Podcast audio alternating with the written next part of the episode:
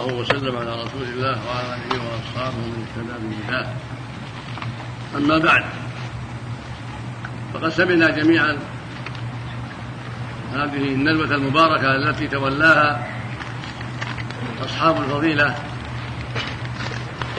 الشيخ عبد الرحمن بن حماد بن عمر الشيخ محمد بن حسن الدراعي والشيخ صالح بن عبد العزيز بن الشيخ محمد بن إبراهيم عن الشيخ في موضوع العدوى والطيرة والتشاؤم وما يلتحق بذلك. وقد أجادوا وأفادوا وشرحوا ما ينبغي شرحه أوضحوا ما ينبغي إيضاحه في هذا الموضوع الخطيب. فجزاهم الله خيرا وضاعف مثوبتهم. وزادنا واياكم وإياهم علما وهدى وتوفيقا. ونفعنا جميعا بما سمعنا وعلمنا. ولا ريب أن الموضوع الذي طرقوه موضوع جدير بالعناية من وقوع كثير من الناس فيما حرم الله منه. وقد أوضح المشايخ ما يتعلق بالعدوى والطيرة وما يلتحق بهما توضيحا بحمد الله بينا. أرجو أن يكون الجميع قد فهموه. فإن الرسول عليه الصلاة والسلام قال لا عدوى ولا طرة ولا هامة ولا صفر ولا نوء ولا غول. هذه أمور ستة كانت الجاهلية تشبه بها وتعتقد فيها الباطل. فنفاها النبي صلى الله عليه وسلم نفيا عاما لبيان بطلان اعتقادهم. والمنفي هو اعتقادهم الباطل. وأما الوجود فهي موجودة العدوى موجودة والاضطراب موجودة والهام موجودة والصهر موجود والنوم والغول كلها موجودة ولكنه فيها اعتقادات باطلة فلهذا نفاها النبي صلى الله عليه وسلم. أما انتقال العام العدوى فهي انتقال المرض كما سمعتم من المريض إلى الصحيح. يكون يقع في الصحيح من جنس المرض الذي مبتلى بالمرض. لما قدر الله من الأسباب سبحانه وتعالى. وكانت الجاهلية لها في اعتقاد فاسد وهي أن هذه الأمراض تعدي بطبعها وأن المخالطة توجب العدوى. فنفى النبي ذلك وأبطله فلما قيل في ذلك الإبل تكون في رمال في غير في كالربا صحيحة سليمة ثم يختلط بها الجمل الأجرب فتجرب قال عليه الصلاة والسلام فمن أعدى الأول؟ فمن أعدى الأول؟ من أصاب الأول بالمرض؟ فالذي أصاب المرض الذي أصاب الأول هو الذي أصاب الأخيرات. والذي أنزل بالأخيرات. وقد شاهد الناس قديما وحديثا أن الصحيح قد يختلط بالمريض ولا يضره ذلك ويسلم بإذن الله. فأبطل النبي هذه العقيدة وأخبر في أحاديث أخرى أن المرض قد ينتقل ولكن لا بطبيعته ومشيئته ولكن بإذن الله وتقديره سبحانه وتعالى. فإذا شاء انتقال هذا المرض وأن يصاب به آخرون انتقل. ولهذا نهى عن الأسباب. فالمؤمنون مأمورون بالابتعاد عن عن أسباب انتقال الأمراض. فقال عليه الصلاة والسلام لا يورد مورد على مصح والمعنى لا يورد يعني لا يورد صاحب ابن مرار بالجرب ونحوه على صاحب ابن صحاح في الموارد في محل الماء موارد المياه. يعني يكون هذا في وقت وهذا في وقت حتى لا تختلط. وهذا الاختلاط قد يكون سببا من انتقال المرض. فيظن أصحابها ما ظنته الجاهلية أنه انتقل بنفسه وطبيعته وليس الأمر كذلك بل هو بإذن الله ومشيئته إذا شاء انتقل وإذا شاء لم ينتقل. فعدم الإضاد إبعاد للصحيح عن الخطر وعن الأسباب وعما قد يتوهمه أصحابها من العدوى الباطلة فأرشدهم النبي صلى الله عليه وسلم إلى الأسباب الطيبة. وهكذا قوله صلى الله عليه وسلم فر من المجنون فراك من الأسد. ومن باب من هذا الباب من باب البعد عن أسباب الشر وأسباب وعن أسباب الانتقال. وهكذا ما جاء في الطاعون حيث قال عليه الصلاة والسلام إذا سمعتم به في بلد فلا تقدموا عليه. من باب التوقي والبعد عن الخطر. وإذا وقع وأنتم بها فلا تخرجوا فرارا منه. إذا وقع وأنت في البلد فليس لك الخروج فرارا منه. أما إن خرجت لغير الفرار خرجت لأسباب دعت إلى الخروج غير الفرار فلا بأس.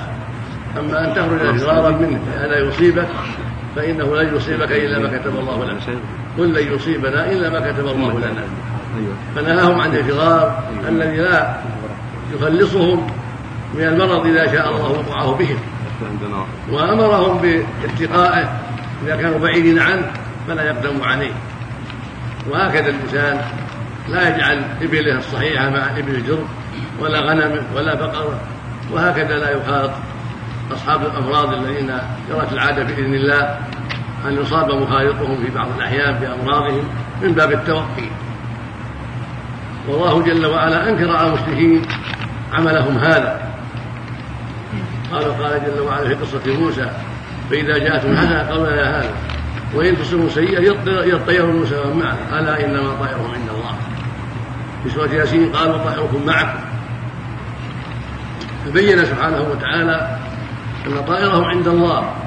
يعني ما أصابهم من البلاء ليس من عند الرسل ولا من عند الصالحين. ولكنه بأسباب ذنوبهم وسيئاتهم فقدر الله عليهم ذلك بأسباب أعمالهم السيئة.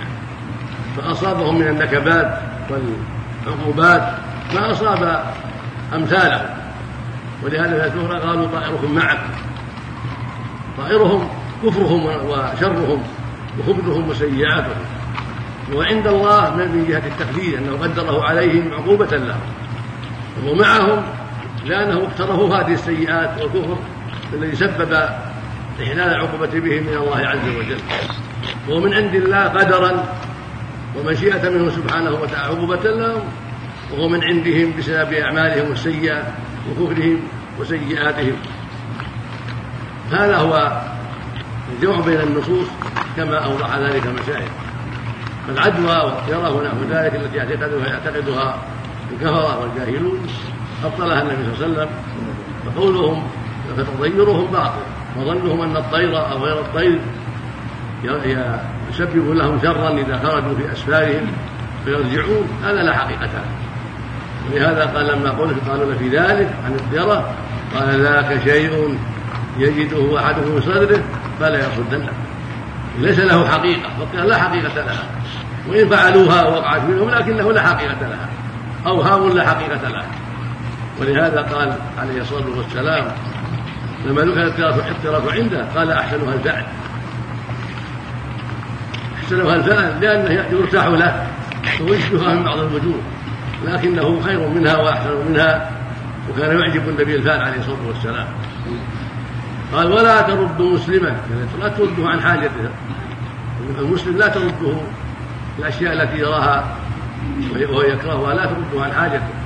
لإيمانه وتقواه وتوكله على الله سبحانه وتعالى. فإذا رأى أحدكم ما يكره فيقول اللهم لا يأتي بالحسنات إلا أنت ولا يدفع السيئات إلا أنت ولا حول ولا قوة إلا أنت. والمعنى لا يأتي بالحسنات وهي النعم والخيرات والصحة والعافية إلا الله سبحانه وتعالى. ولا يدفع السيئات وهي المصائب والنقم الله سبحانه وتعالى. ولا حول ولا قوة إلا به كما أنه موفق للحسنات التي هي الطاعات وهو الهادي لها وهو أيضا الذي يوفق العباد المؤمنين لترك السيئات. فله البر سبحانه وتعالى ومصرف عباده جل وعلا ولا حول ولا قوة إلا به وفي اللفظ الآخر اللهم لا خير إلا خيرك ولا خير إلا خيرك ولا إله غيرك فالمؤمن يتوكل على الله ويعتمد عليه سبحانه ويعلم أنه مسبب الأسباب وقاضي الحاجات ومدبر الأمور. ويأخذ بالأسباب التي شرعها جل وعلا ليتوقى الشر ويتوقى أسبابه مع إيمانه بالله وأنه مسبب الأسباب وأنه مدبر الأمور وأنه على كل شيء قدير. ولهذا جاء صلى الله عليه وسلم أخذ في بعض الأوقات بيد مجذوم وجعله يأكل معه وقال بسم الله كل بسم الله ثقة بالله. ليبين للناس أن الأمور بيد الله سبحانه وتعالى. وأن وجوده لا يجعل هذا المرض ينتقل إلى الآخر حتما بل متى وقاه الله شره لم ينتقل. وإذا اعتصم العبد بالله واستعمل ما شرع الله من أسباب الوقاية واعتمد على الله في ذلك وقاه الله سبحانه وتعالى وكفاه شر ذلك. ولهذا قال الذي وقع الطعام في بلده لا يخرج نهى عن الخروج فرارا منه لأنه سبحانه هو الذي يعصم هو الذي يقي العبد ما يشاء سبحانه وتعالى. ينزل بالعبد ما يشاء من الأمراض سواء وقع عنده المرض أو ما وقع عنده. من أعدى الأول من أصاب الأول. وأعظم من هذا وأخطر ما نبه عليه الشيخ محمد حسن الضائعي فيما يتعلق بأعمال الكفرة وسيئاتهم وأخلاقهم. فإذا كان المؤمن كل إنسان يكره أن يصيبه المرض ويحب السلامة ينبغي له أن يعلم أن هناك مرضا فوق مرض الأبدان وهو مرض الأخلاق ومرض الأعمال. فالواجب أن يتوقع أعمال الكفرة وأن يحذر التشبه بهم في أخلاقهم الذميمة وأعمالهم المنحرفة وأن يحرص على التمسك بدين الله وشريعته وطاعته وطاعة رسوله عليه الصلاة والسلام وأن يحذر كل الحذر من التشبه بأعداء الله الكفرة في أخلاقهم وأعمالهم وفي كل ما يخالف شرع الله عز وجل لأنه هذا هو الطريق للسلامة والسعادة والنجاة في الدنيا والآخرة. وأمراض الأبدان أسهل من ذلك. فقصارى مرض البدن وقصارى الموت. والموت لا بد منه. ولو عشت ألف عام ولو عشت صحيحا سليما فلا بد من الموت لكن مرض الأخلاق مرض الأعمال السيئة ولن يفضي بالعبد إلى النار وإلى غضب الجبار عز وجل. فالواجب الحذر من ذلك أكثر. رزق الله. جميع التوفيق والهداية. وأعاذنا وإياكم من شرور أنفسنا وسيئات أعمالنا. وجزى إخوتنا المشايخ عن ذمتهم خيرا. وأما جواب الأسئلة فكما تقدم يكون في جمعة أخرى إن شاء الله. ولنسمع الآن من أخينا المجاهد الشيخ الدين الثاني أحد قادة المجاهدين الأفغان ليحدثنا عما يتعلق بالجهاد والمجاهدين. ونسأل الله أن يوفق المجاهدين في سبيله في الأفغان وغيرها بما فيه سعادتهم ونصرهم على عدوهم وأن يهدي أعداء الإسلام أينما كانوا وأن يكفي شرهم. إنه جل وعلا جواد كريم. وأن يوفق إخوان المجاهدين في الأفغان لنصر النصر والتأييد. وأن يجمع كلمتهم على الحق. وأن يعينهم على جهاد أعدائهم. وأن يخلصهم منهم وأن يردهم إلى أوطانهم سالمين عزيزين موفقين إنه إنه على كل شيء قدير. صلى الله وسلم على نبينا محمد وعلى آله وصحبه.